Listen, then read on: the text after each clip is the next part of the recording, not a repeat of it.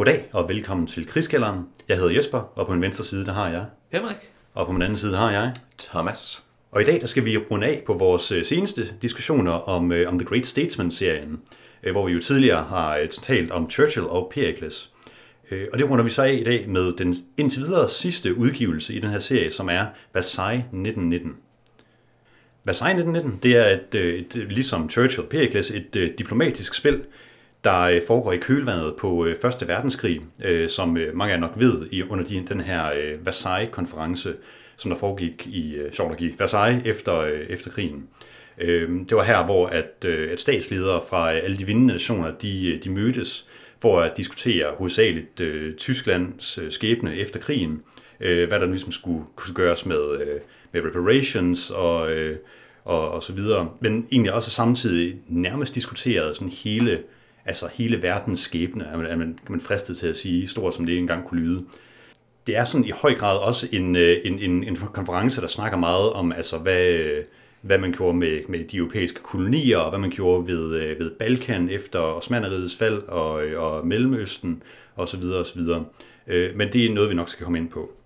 Øh, Hvad det mere øh, konkret er, det er, det er et øh, nok den mest casual-friendly version af Great Statesman-serien. Det er et øh, relativt øh, kort spil på, øh, for fire spillere, som også kan tage et sted mellem øh, to og fire timer. Øhm, og det er faktisk et, øh, et, et, i forhold til Churchill og Pericles et enormt strømlignet design. Øh, ligesom tidligere, så er der også Mark Herman, der har siddet på, øh, siddet på designposten, men, også, men den her gang også fået hjælp af ham, der hedder Jeff Engelstein, som der nok er sådan nogen af, af dem, der går lidt ind i brætspilsverdenen, der kender til, fordi han har designet en hel masse andre øh, spil.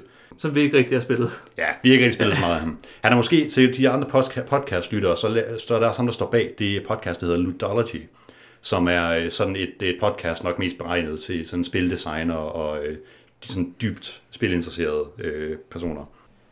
Lige for at snakke mere sådan specifikt om, jamen hvad gør man i øh, Versailles, så øh, kaster lige bolden videre til Dietmar.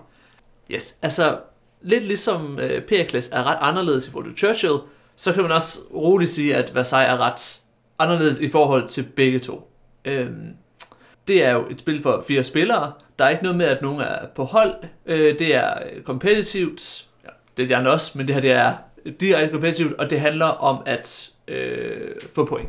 Det er den generelle vigtighed. Det ligner sådan lidt til forveksling sådan et point salad spil, det finder man hurtigt ud af, at det er det faktisk ikke. Men det der ligesom er det grundlæggende koncept, det er, at man spiller Storbritannien, USA, Italien og Frankrig. Og så brættet sat op til, at der er øh, nogle issues ude på, ude på brættet, øh, som man kan placere sin influence på. Der er altid to, som man kan diskutere. Der er tre, som øh, man kan se er på vej, og så er der ligesom en bunke, som man, hvor man tilføjer nye fra.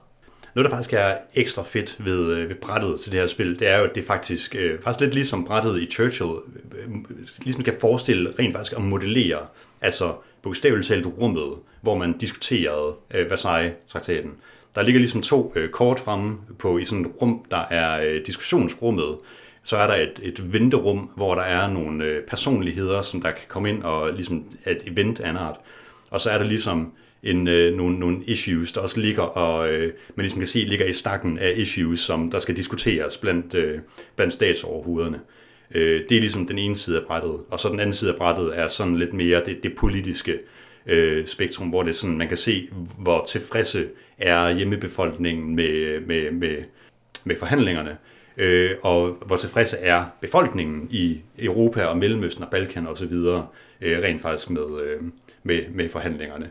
Øh, fordi der øh, som, som resultat af forhandlingerne, så kan der ud, sådan opstå øh, oprør og øh, tumult rundt omkring i verden, øh, hvis ja, de her øh, statsoverhoveder i Frankrig nu bestemmer sig for, at de faktisk skal bestemme, hvad der sker med Kurdistan, mm. eller Palæstina, eller hvad det nu skulle være.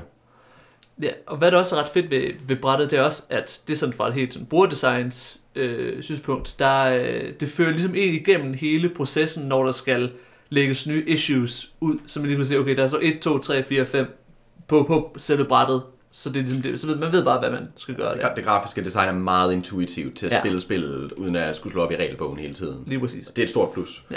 Og det man gør i hvis man siger, spillet, det er, at man har en øh, bunke influence, de her små cubes, som øh, en af de actions, man kan tage på sin tur, det er, at man kan lægge influence på to af de her issues, og det kan enten være nogen, der ligger til forhandling, eller som kommer i, øh, i fremtiden, som er ude i the waiting room.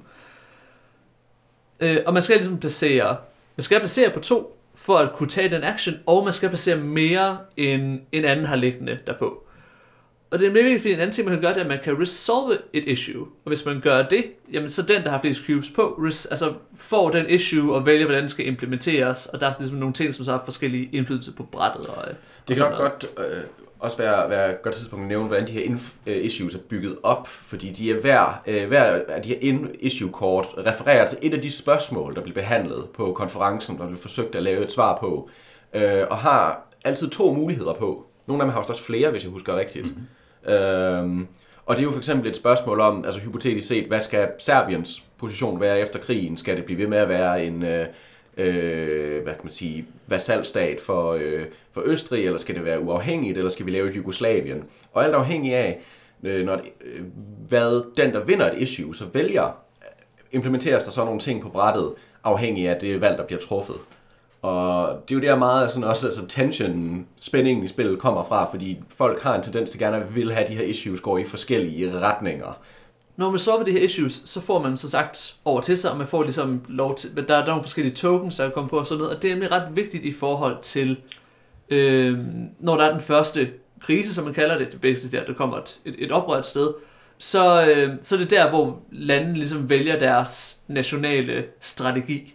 Der bliver lagt sådan øh, nogle øh, strategy kort ud, og så øh, den, der ligesom er længst bagud, får lov til at vælge først, og så får man så bestemte point for, at der er tokens øh, i spil, eller andre forhold, som ligesom gør sig gældende. Det kan være for eksempel, at øh, jo, hvis Italien øh, hvis Italiens glæde er under et vist niveau for eksempel, så underskriver de ikke traktaten. Og der er sådan nogle strategier, som, som går efter enten, at de siger ja eller nej og sådan noget. Og de der, øh, de der kort øh, for ens strategi, det handler meget om, hvad er ens nations ligesom, idealbillede for, hvordan ser verdensordenen ud, mm. når konferencen er sluttet. Er det en stor... Er vi i global laissez-faire øh, kapitalisme, eller vil vi gerne have genarmering til alle nationerne, vil vi have revanchisme, så er vi klar til en krig mere, og så videre. Alle de her, øh, ja, altså verdensår, idéer om verdensordner, der er i strid med hinanden, og som hver spiller så ligesom forsøger at implementere. Og det er jo også sådan overordnet set, sådan man faktisk vinder spillet. For i måde, man, man så tjener point i det her spil, det er ret beset, at man får point for at vinde issues, og vinderen i sidste ende er sjovt bare den, der har flest point. Øh, men så får man nemlig også ekstra point, hvis de issues, der så bliver vundet, de stemmer overens med ens nationale strategi. Øh, og det er nemlig ret sjovt, fordi at det er også der, hvor der kommer lidt nogle, nogle synergier imellem spillerne. Hvis øh, nu for eksempel vi sagde, at øh, Thomas han øh, tog det issue, der hed øh, Palæstina, og så sagde, øh, hvis han var Frankrig, så kunne det godt være, at han sagde, at Palæstina det skal være frit, fordi så bliver britterne sure, bogstaveligt talt. Så kan det være, at jeg som USA sidder og tænker, ah, det er fedt, fordi, at hvis, øh, fordi hvis min strategi for eksempel er self-determination, som er en strategi i det her, som historisk set også var langt hen ad vejen, det så var USA's strategi i, ved forhandlingerne, øh, så får jeg også et point for det, fordi at jeg vil rigtig gerne have, at der er så mange nationer, der som overhovedet muligt, der bliver, øh, hvad hedder det, independent. Ja, og der er faktisk, altså jeg tror, det er noget, man sådan undervurderer de første øh, par gange med spillerne, men der er ret meget potentiale for, altså deciderede forhandlinger mellem øh, spillere, fordi en ting, der er ret fedt med, når man resolver en issue, det er, at selv hvis man ikke er den, der, øh, der vinder det, så får man stadig noget ud af det. Først og fremmest så får man lov til at trække alt den issue, man egentlig har investeret på det, får man lov til at trække tilbage, hvis man ikke vinder issueet. Og man får lov til at øh, vælge, hvad for en ny event, der ligesom kommer i spil. Og hvad for en ny issue, der kommer, øh, kommer i The Waiting Room. Men det, der også er fedt ved det, det er jo, at man kan så forhandle med andre, så man kan ligesom sige, aha, hvis nu du øh, tager den der, hvis nu jeg resolver dit issue, kan du så tage den her, øh, hvad hedder det, handling og sådan noget.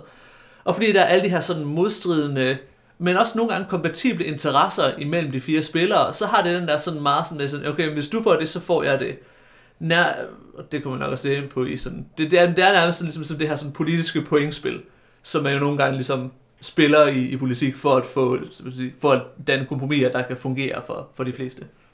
Og det, det er også her, hvor jeg synes, at hele, hvordan brættet er stillet op, hvordan de her issues, de fungerer, og hvordan influence fungerer, det undgår lidt det, som nogle andre forhandlingsspil gør, hvor at, hvis man ikke kan blive enige om noget, så sidder alle lidt og tænker, så sidder vi fast. Man sidder aldrig rigtig fast i spillet. Der er kortene, måden de fungerer på, måden influence fungerer på, etc. Det skubber hele tiden bevægelsen fremad. Øh, og det er ret fedt. Og det med, med fremad, det er også et ret godt øh, stikord, synes jeg egentlig, bare sådan i forhold til spiloplevelsen, kan man sige, fordi nu, øh, jeg tror, hvis det er virkelig ret dækkende sådan for, for, for sådan, sådan gameplayet, kan man måske godt sige, øh, men det, for det vi lige har fortalt her. Øh, men det der også nok også øh, vil nogen måske kunne øh, fornemme allerede, det er, at i modsætning til Pericles og Churchill, hvor man ligesom skal ud og vinde en krig, samtidig med at man har masser at forhandle om, så er øh, Versailles faktisk øh, stort set kun forhandling. Øh, og i modsætning til de to andre spil, så er det altså også bare et, et spil, hvor der er, der er action på nærmest hele tiden. Øh, hvor at for eksempel Churchill har sådan lidt et ramp-up, og Pericles, det har sådan lidt op- og ned øh, perioder i sådan action. Øh, jeg ved ikke, om I kan være, I være enige med det her, men jeg synes, Versailles føles meget sådan, i forhold til de andre spil, sådan ser her, føles lidt arcade, hvis det giver mening. Hvis I kender godt det der spil for sådan computerspils udtryk med altså arcade-maskinespil, hvor du bare smider en femmer i, og så er det bare action med det samme. Det, føl, det der, der føles Versailles lidt sådan derhen af i forhold til ja. de to andre. Det er rigtig meget momentum hele tiden. Ja.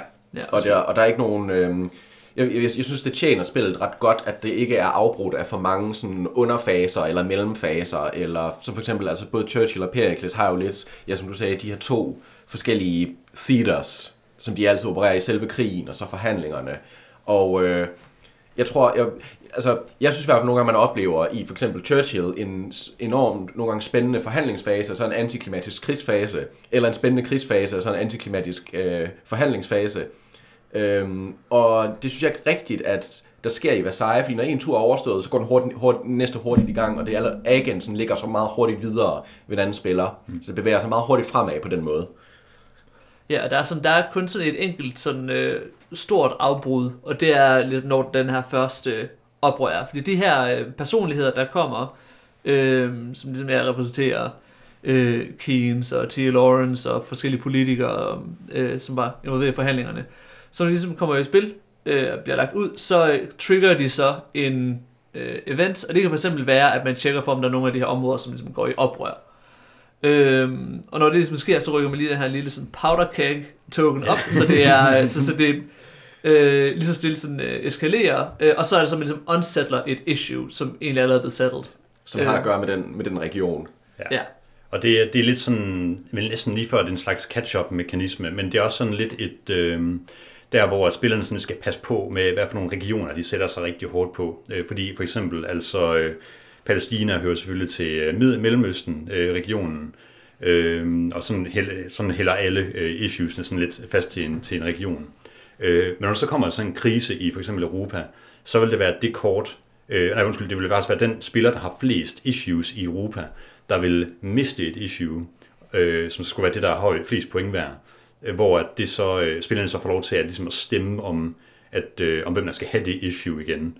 Øh, og så meget markant, så øh, stemmer man om det issue med militærenheder, i stedet for politisk indflydelse, hvilket er lidt øh, lige sådan ændre lidt, øh, hvad skal man sige, sådan magtpositionerne på en meget, på en meget sjov måde. Ja, fordi det, er, det, er en, det er en god pointe, fordi på trods af, det her er jo fredsforhandlinger, så har man jo stadigvæk øh, en lille smule militær. Ja, som ja, man det, er, godt det, er meget, det er meget forsimplet. Det er meget forsimplet. Det er et militærspil på samme måde som Pericles. Overhovedet ikke, og, og det jeg synes, den rolle, altså den rolle, som militæret spiller her i, er meget mere end, end det er en utroligt begrænset ressource, fordi det her det er slutningen af Første Verdenskrig. Alle er trætte af krig, og ens hjemmebefolkning bliver simpelthen bare så ej, de bliver sure på en, hvis man sætter soldater ud til højre og venstre. De vil helst ikke have mere krig.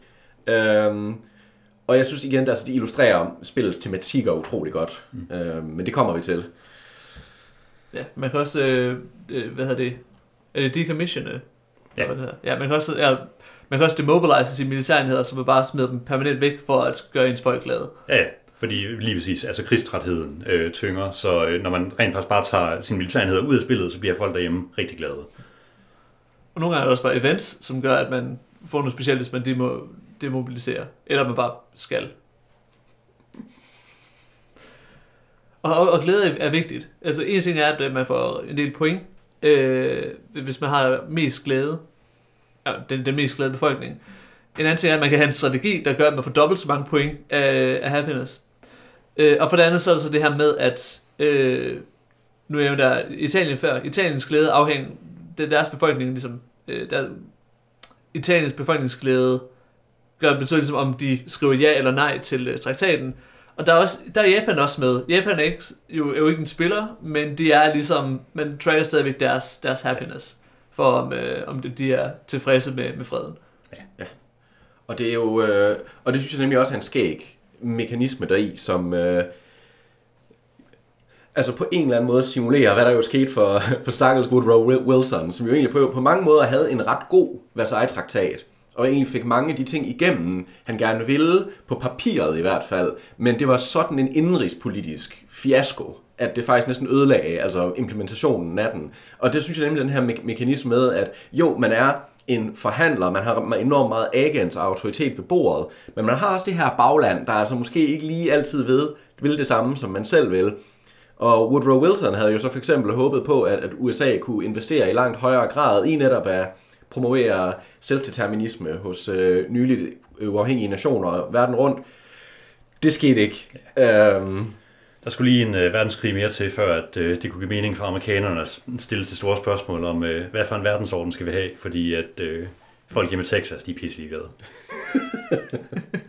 Thomas, har du lyst lyst til at lige fortælle sådan lidt om, øh, om jeg vil bare lige sætte os i gang med sådan snakken om, altså rent Ja. historisk, hvad er det her for noget, og hvad, hvad, synes du, hvad synes du om det i forhold til, sådan, hvordan hun portrætterer øh, historikken her? Jamen altså, det skal lige siges, at overordnet set, så er jeg ret pjattet med, hvordan det her spil det portrætterer sin historik, fordi Versailles-forhandlingerne øh, i 1919 er sådan lidt en... Øh, Jamen, det er jo sådan i det hele taget et underligt historisk øjeblik, for det er virkelig en af dem, hvor mange beslutninger, utro, der kommer til at have enormt store konsekvenser, bliver truffet på relativt lidt tid. Øh, hvilket betyder, at meget ofte i sådan helikopterperspektivet af historie, så er det et enkelt øjeblik i historien. Versailles-konferencen skete, og så går vi videre. Og jeg synes, det her spil gør et fantastisk stykke arbejde med at dykke ned og dissekere det øjeblik ned i alle de mindre øjeblikke, der udgør det, og, og udforske de dynamikker, der var på spil der. Fordi det synes jeg, der er meget få spil, der gør på, der gør på så god en måde. Ja, og det er jo en ting, det her med at sige, de havde på det her, i det her historiske øjeblik muligheden for at måske løse, i hvert fald bare se på en masse problemstillinger rundt omkring i verden øh, for 100 år siden. Men det er jo bemærkelsesværdigt, at det er næsten alle sammen problemstillinger, der ikke er blevet løst. øhm, fordi som vi jo lad lige præcis snakke om, altså nogle af de issues, der er her i, det er jo for eksempel Palæstina, Kurdistan, Ukraine, Jugoslavien, øh, Tyrol, øh, som faktisk var et, et, et, stadigvæk et issue helt op til 60'erne og så videre. Øhm, og, og flere ting i Afrika, som, øh, som eksempel, og øh, vel egentlig også Oceanien. Det kan jeg faktisk ikke huske, for nogle issues, der er der imellem. Øhm, men ja, det er, det, er, det er også sjovt, altså hvis man ikke er særlig, øh, særlig sådan velkendt i den her... Øh, i det her historiske øjeblik at spille det her, og så måske gå tilbage og ligesom research på, hvad er det egentlig, de snakkede om på det tidspunkt, fordi de, det er meget de samme issues, der stadigvæk er enormt markante nu til dags, som de har, har debatteret på det her tidspunkt. Jamen altså, altså, hvis man tager de issues i et hvilken som helst givet spil af Versailles, så virker det næsten som, som et FN's-mødes dagsorden, øh, selv i dag. Og Ja. det synes jeg er ret fantastisk. Og der er, øhm, der er noget fedt med, at når man er færdig med Versailles, og man ligesom har sådan sin issue foran sig, så kan man jo, man kan jo faktisk godt ligesom kigge rundt, og så kan man sige, okay, through, gennem de her mærkelige sådan interessekonflikter og tilfælde og oprør og sådan noget, så har vi nu en verden, der giver omtrent lige så lidt mening, som, øh, som, det gjorde, i- som det gjorde i 1918. øh, Den hedder 1919. altså, 1919. Nej, undskyld, ja, 1919.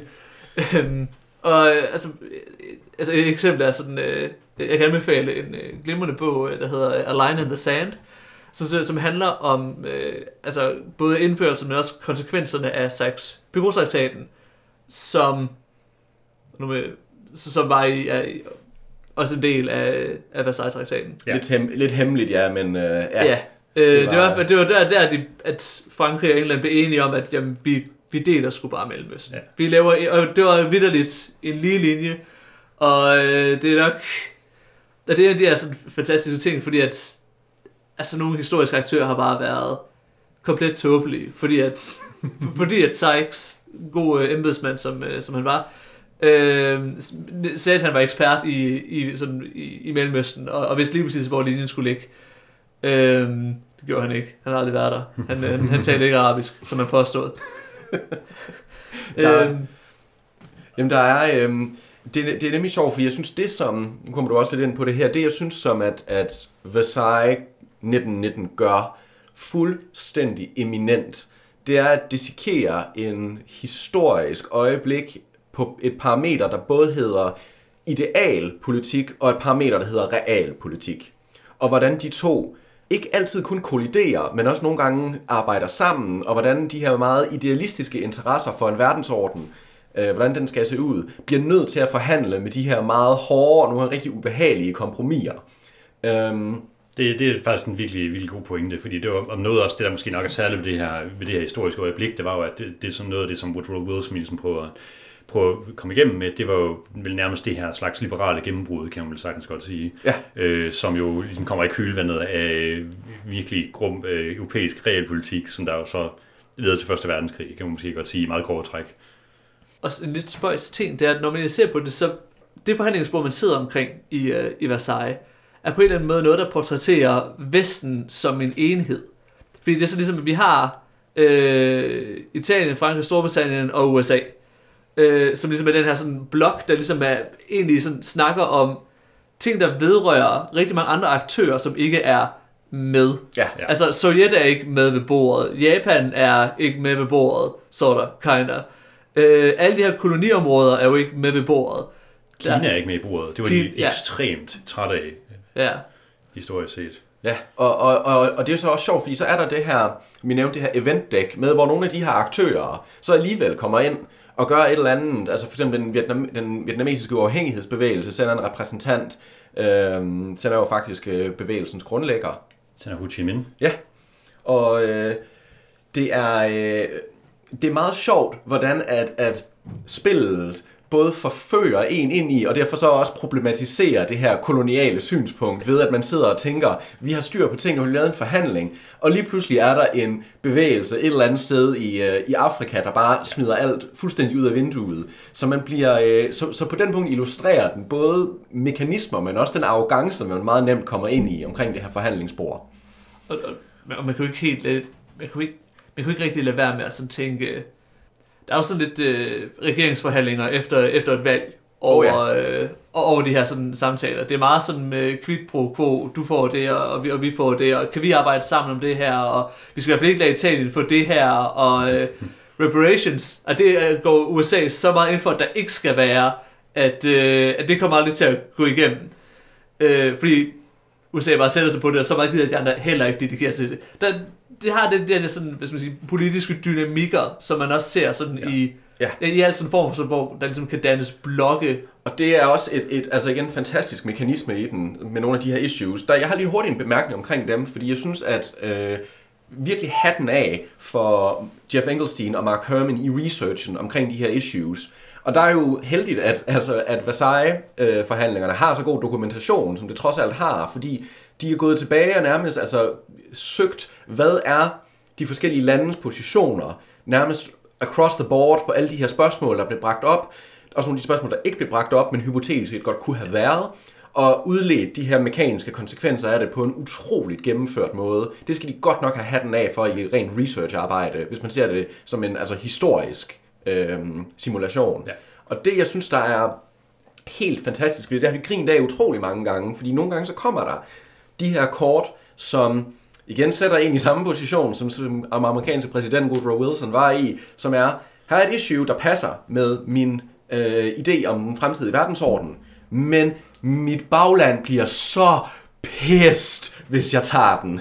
Og specifikt med Woodrow Wilson, der er der nemlig et, øh, et issue, der hedder, der skal være global racelighed, og nej, hvor bliver amerikanerne bare så vrede, hvis det bliver sat igennem øhm, fordi vi snakker jo stadigvæk altså et amerikansk syden, der er... Øh, ja, Det, der er bare, bare lige hurtigt lige, lige kommentar til det, fordi den er, den er ret nem at misforstå, den er med, med glo- racelighed, øh, fordi at det, det, som det spørgsmål det faktisk, rent faktisk handlede om, det var, hvorvidt Japan skulle ligesom have lov til at have en plads i The League of Nations på samme mm. linje som de hvide nationer, siger jeg lige i citationstegn. Øh, det, det er jo faktisk ikke så meget altså sådan, sort Men, men det, er jo, det, er det, det er det også, altså, Ja, selvfølgelig, det var- helt klart. Implikationerne, der blev fortolket af det, var i hvert fald, at, Ja. hvis, at øh, hvis, hvis japanerne de kan sidde med, så må, øh, ja, altså, det bliver grimt meget hurtigt. Ja. Øh, men der er nemlig altså de her, øh, de her kort, der illustrerer ikke kun forhandlingsbordet, men også baglandens reaktion på de her, på en måde, jeg synes, der er enormt elegant lavet. Ja, Fordi også, nu, nogle gange så skal man bare tage det valg, at jamen, fuck min befolkning. Altså, der, der var på tidspunkt, hvor jeg, der var på tidspunkt, hvor jeg spillede Italien, og jeg endte med at vælge den strategi, hvor jeg ikke skrev under på traktaten. Ja. Og så var det bare med at, at take mig selv lige præcis nok til, at jeg ikke gik i, uh, i nul happiness, hvor man så skal demobilisere alt sit militær. Ja, og det er jo... Øh, øh, det er det, jeg synes, der nemlig også er, er en del af det her real- og idealpolitiske spil. Hvor meget kan man kompromittere sit baglands tilfredshed for at skubbe sin agenda igennem? Og der er der, altså...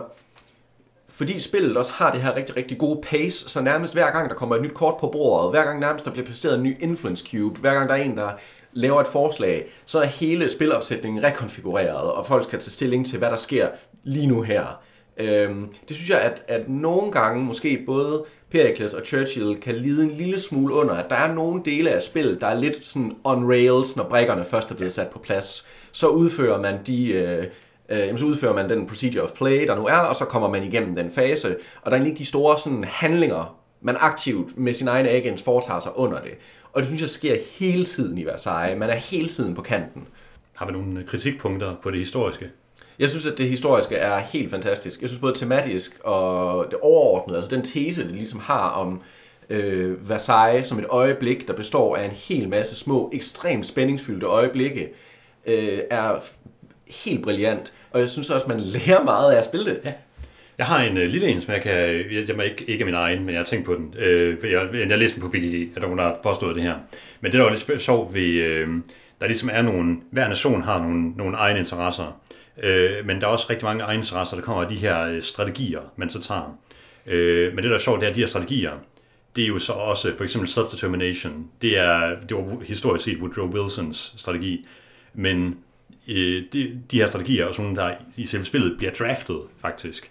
Øh, så du kan også godt spille imperialistisk Woodrow Wilson, hvis du vil. Mm, ja. Øhm, og det, øh, det er der også nogen, der vil påstå, men det jo, det jo faktisk er historisk. Men altså, øh, kom on. Det, det, det, det, det giver lidt sig selv. Jeg synes, det er et, et absolut acceptabelt what if. Det er, det, er, det er et absolut what if, og det giver også ligesom, der er noget variation i, i selve spillet. Ja. Jeg fandt også ud af, at, at vi i vores sidste spil fandt vi også ud af, at det kan være virkelig, virkelig sjovt, når man, når man har... Øh, man skal passe ret meget på med, de, med at drafte de der ting, fordi faktisk vores sidste spil, vi havde, der spillede jeg faktisk Woodrow Wilson. Og der var blev en af dem, man kunne drafte, det var self-determination, eller hvad det nu præcis hedder, men den, man kunne ligesom gå efter self-determination. Og det fandt jeg så ud af. Øh, måske var en dårlig idé, fordi det viste sig, at øh, alle andre spillere omkring bordet, de gik alle sammen efter øh, sådan imperialistiske ideologier. øh, og det betød jo faktisk ret beset, jeg kan godt røbe, at jeg tabte ret grusomt det spil. Og det var jo så faktisk fordi, at jeg kunne ikke, det kunne ikke lade sig gøre at finde nogle synergier imellem os. Ja, der var ikke, der var ikke plads til forhandling lige Der var nærmest ikke noget plads til forhandling. Og det, det var det ene problem. Det første var, at der var ikke noget plads til forhandling, fordi jeg kunne aldrig overbevise nogen om at sige, jamen, vi skal have, vi skal have frit Palæstina. Nej. Nej. Nej. Og det andet, jeg faktisk fandt ud af var et problem, det var jo det her med, at øh, i så fald så har jeg den største interesse i at gå efter mange af sådan Europa-issuesne, hvor, det, hvor alle de andre har rigtig meget interesse i at gå efter altså kolonierne langt hen ad vejen. Og det viser sig at være et kæmpe problem, fordi at øh, Europa er også en af de mest ustabile regioner. Så hver gang der var et oprør i Europa, så var det, at, øh, at tyrolerne de gik øh, fuldstændig bananas, og så skulle vi se at slås om dem igen. Fordi det var altså, fordi Tyrol er det højeste øh, værdikort i, øh, i, i, i, i de højeste værdikort i Europa.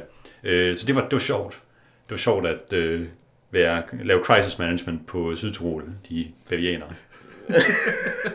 Og det skete igen og igen og igen. Det skete, det skete fem eller seks gange. Det var ret Det var, det var helt utroligt.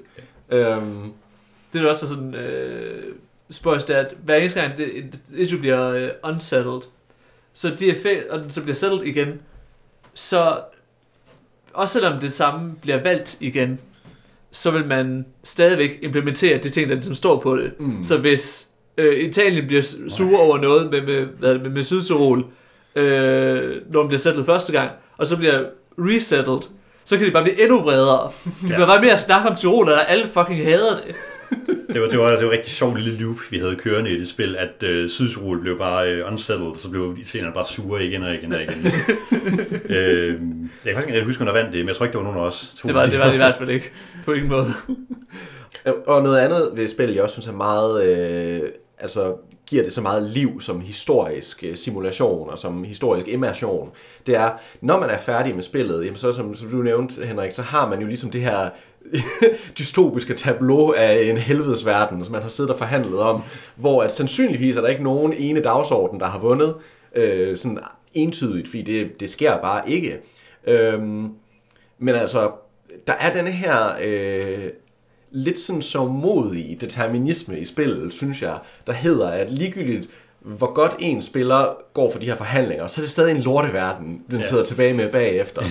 øhm. Ja, fordi, altså, det, det er jo helt klart, hvis du, hvis du sidder som spiller og tænker, jeg vil være Woodrow Wilson, og jeg vil være en good guy, ja. så taber du. Ja, lige præcis. og næsten uanset hvem du spiller, så kan du ikke gå, gå ud fra spillet og ikke føle som om du er i en sådan ulideligt arrogant sådan hvid statsmand, der bare sidder og står, der tror han kan bosse rundt med hele verden, som om det var et lille dukketeater.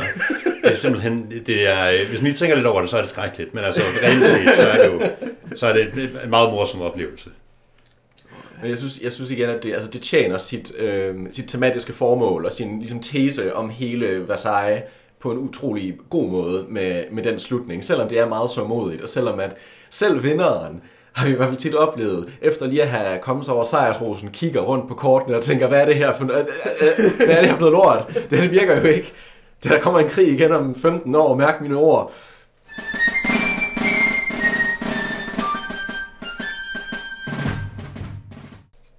Jamen så, øh, helt overordnet, folkens, altså øh, vi er positive på Versailles, lyder det til. Øh, det, er, vi, det er i hvert fald. Øh, jeg, jeg sad faktisk sådan lidt og tænkte, øh, hvad hedder det, Øh, fordi første gang vi, vi sad og spillede det, der sad jeg sådan og tænkte, det er meget sådan lidt det samme øh, gameplay loop, og øh, der er egentlig, måske egentlig ikke så mange forskellige ting, der i virkeligheden kan ske i det, og jeg sådan altid sidder og tænkt på, at det måske var nok den, jeg mindst ville ende med at kunne lide af de her spil.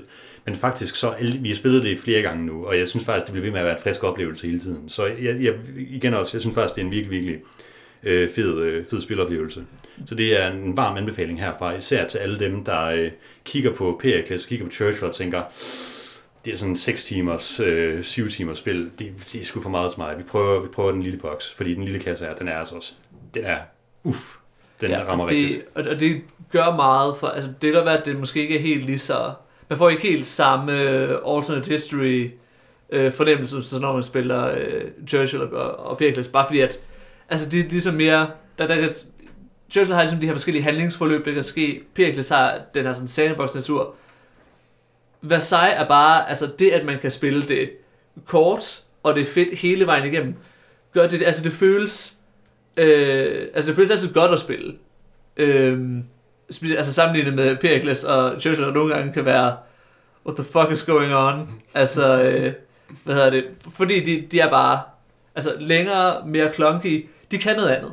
Øhm, og det er også derfor, jeg tror måske som helhed, når man som ser på, på Great Statesman-serien, så er det ret altså, vildt, at de har ramt sådan nogle, altså, øh, at Mark Herman har ramt tre så forskellige tilgange til spil, men så perfekt. Fordi Churchill ligesom har den her sådan, ja, det er ligesom på rails, og der sker nogle ting, det har ligesom sin ting, som det kører for sig. Pericles har det her med, at det kører den her sandbox ekstremt godt, og så har vi Versailles, som er den her sådan kondenserede diplomatioplevelse. Ja, ja.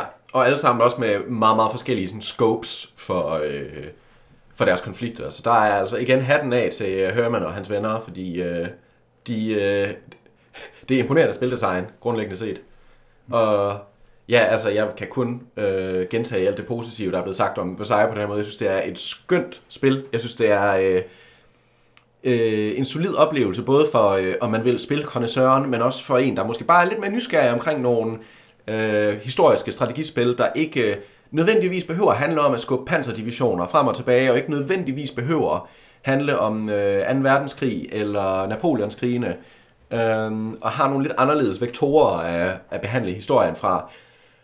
Og så synes jeg også bare, at de skal have øh, slået slag for, at man lærer en masse af at spille det. Ikke kun øh, tematisk, men også altså, rent konkret der er mange af de issues, som har været op af til, hvor jeg har siddet øh, bagefter og tænkt, kan jeg vide hvorfor øh, altså Frankrig var så utroligt pist over lige præcis den her kolonispørgsmål. Kan jeg vide, hvad det handlede om?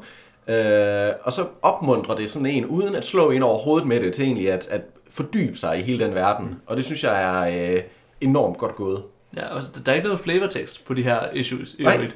Det er bare et navn, og så øh, er der ligesom de forskellige øh, navne på, hvad de forskellige løsninger er. Ja. Og så kan man ligesom selv dykke ind i det, men ofte så siger det jo også lidt sig selv. Der er en lille bitte i, der er en scenariebog med, hvor der faktisk er en lille bitte smule øh, tekst til hvert kort. Øh, egentlig bare sådan lidt, hvad udfaldet egentlig var øh, i historisk set. Øh, så det er jo, altså, der er jo et kæmpe spørgsmål omkring hvert eneste kort, kan man sige, hvis man lige dykker lang tid nok ned i det. Men der er en lille smule flavor til det, hvor at, øh, man måske, ved mange af dem godt kan sige, jamen det er endnu uafgjort. Så har jeg lige, øh, jeg tror, øh, dagens øh, sværeste spørgsmål til alle sammen. Så Churchill, Pericles og Versailles. Fuck, Mary Kill. Dit må gå. Øhm, der tror jeg, at Du, der, må, der, gerne, der, du, må der, gerne, du må gerne begrunde det, naturligvis. altså der er det klart, altså Versailles er, er, er, er fuck, øhm, Pericles er Mary, og øh, Churchill er kill. Og det er Ja, og det, det, det, det, det er du virkelig ked af, håber jeg. Fordi, Det, det er jeg virkelig, men altså, hvis- det er de tre, altså, det er ikke fordi, jeg ikke kan lide Churchill. Det er bare, at de tre, så er det klart, it is the inferior one, Ja, okay. for mig. Ja. øhm, hvad er det? Og, øh, altså, Versailles er sådan lidt, øhm, god one night stand, I ved. Øh, det kan man lige hive frem en gang imellem. Ej, undskyld, det er fucking klamt. Øh, øh, og så er der altså øh, Pericles, som, øh, som hun til at være i mit liv resten af livet. Ja. Men Thomas, du har et svært forhold til Pericles. Jamen altså, jeg, ja, det, er jo, det er jo skægt, fordi vi er jo næsten helt inverteret her. Lad mig sige, altså min, min, øh, min F, det er jo nok, det er jo nok, øh, det er sgu nok Churchill. Min, min Mary, det er, øh, det er jo nok Versailles. Og min kill, det er nok Pericles. Og så behøver vi ikke sige mere om det andet, end der var en grund til, at jeg ikke var på afsnittet om Pericles. øhm, men øh, nej, altså jeg synes, at, at øhm, det er, det, er, det, er lidt, det er næsten et toss-up mellem øh, Churchill og øh, Versailles på den front, men det er fordi, at de er lidt forskellige flavors af, som vi har nævnt, hvor lang tid det tager at spille dem, hvor meget øh, regeltunghed der er, hvor nemt man kan få folk ind i dem. Øhm, og på det, der tror jeg simpelthen bare, at Versailles vinder en lille bitte smule ud på, hvilket et af dem har større sandsynlighed for, at jeg ofte vil få på bordet. Ja. Øhm, fordi det er, øh, det er ikke så krævende en oplevelse, som Churchill kan være. Og det er også et, hvor at jeg synes, at øh, det er ikke helt immun over for det, men jeg synes, det er absolut det af Great Statesman-spillene, som er, har færrest chance for, at man bliver fuldstændig smadret, bare fordi man spiller det første gang. Øh, det er meget nemt at lave øh, fuldstændig halvhjernet begynderfejl i Churchill og i Pericles. Og det synes jeg ikke, at det er, det er i Versailles. Jeg synes stadigvæk, der er meget lave. Og så, så på de relativt små pointer, der vinder Versailles simpelthen for mig. Ja. Jeg vil gerne gifte mig med den. Jeg er sådan set øh, fuldstændig enig med jer begge to, men øh, ved forskellige, forskellige svar kan man godt sige. Jeg er mest på Team Dietmar, fordi at jeg vil også gerne sige det samme med Pericles der. Det har vi også over i næsten en hel time i vores øh, seneste afsnit, så det behøver vi ikke gå i mere i dybden med, men det er den dybe oplevelse, og det er den, man skal, man skal udforske over i længere tid. Så det er den, helt klart øh, giftemålet der. Og øh, Versailles, det er en hold lille racerbil, som vi lige tager med en tur ud fredag aften, og så er det, så har man det sjovt. Og så Churchill, der, de er, i wouldn't, I wouldn't like to do it, but uh, Churchman, han skal, han skal begraves, og jeg er ked af det.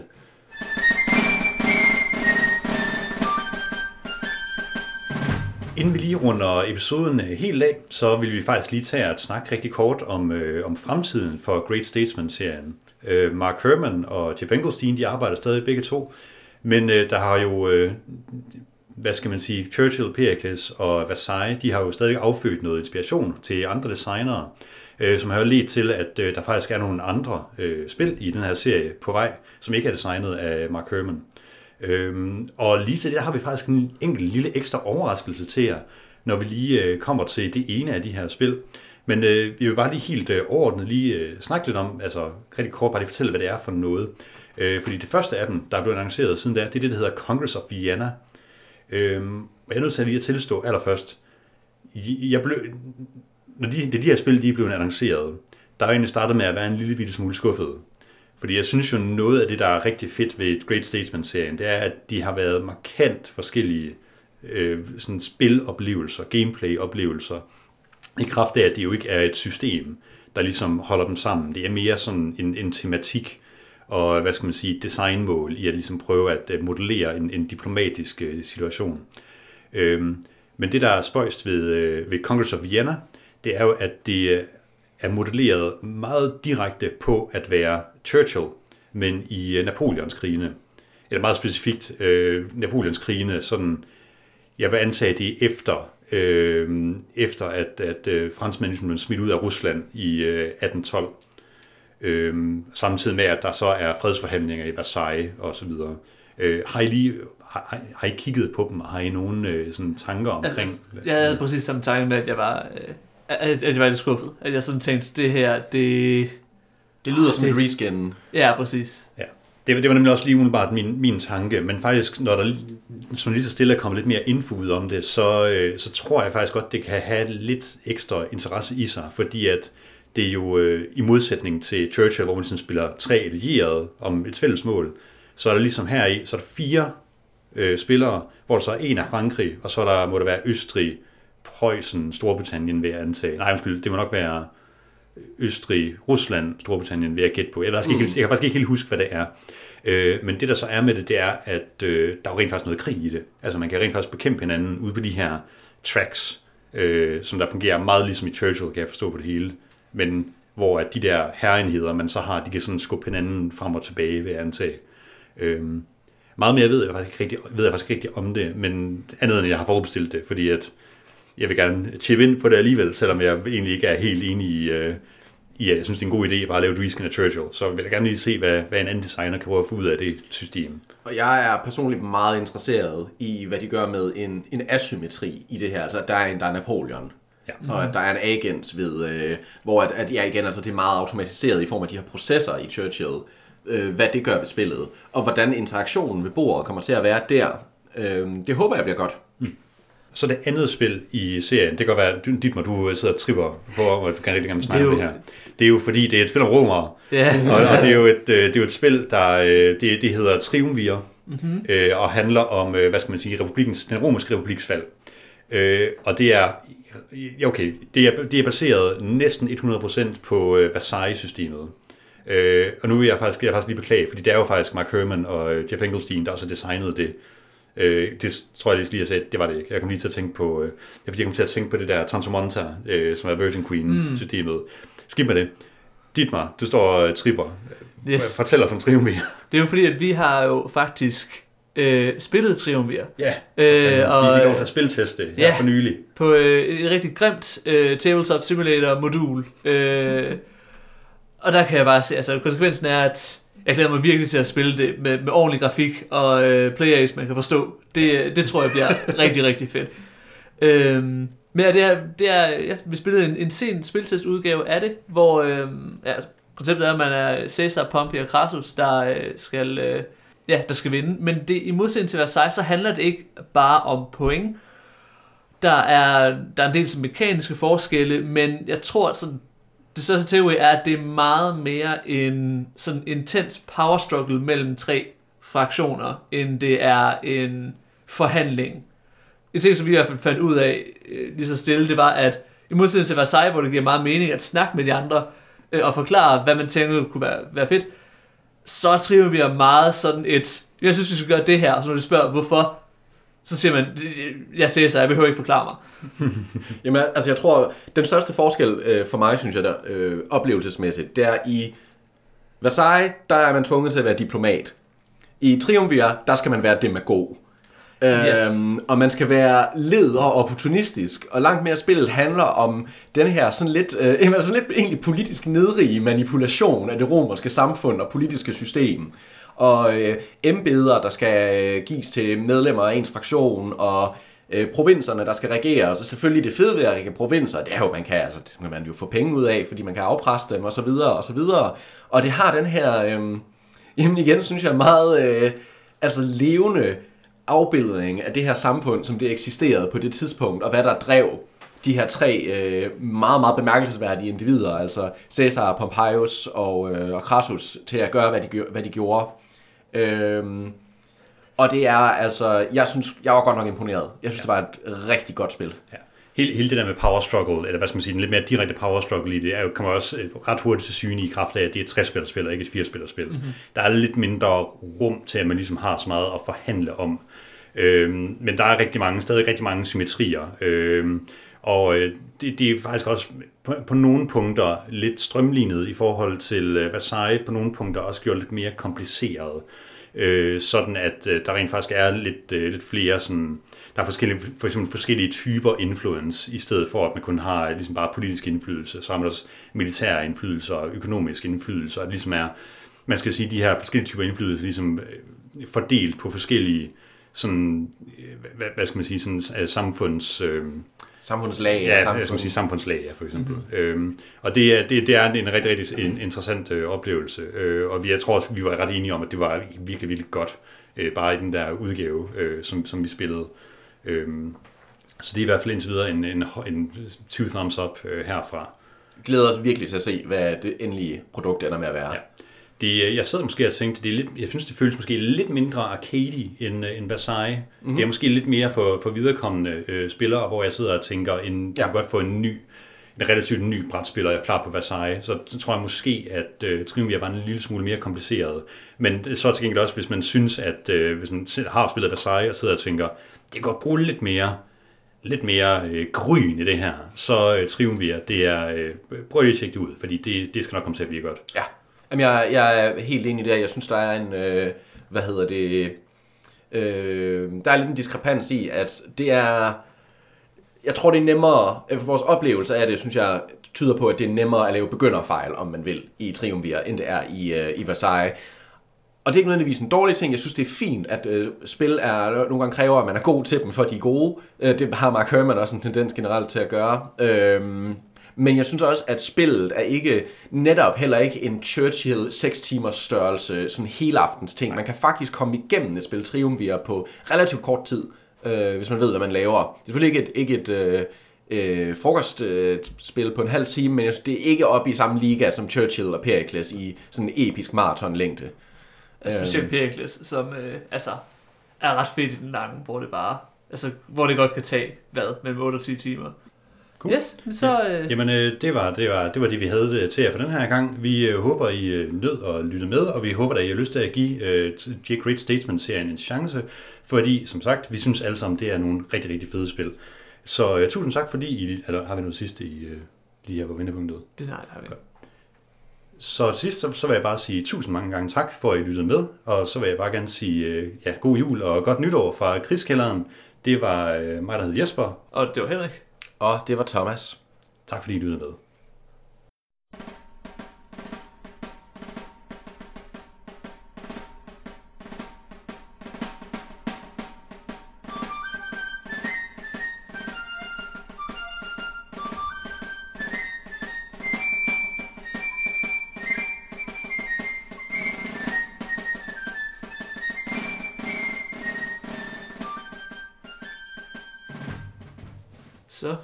Så jeg, vi udkommer før jul.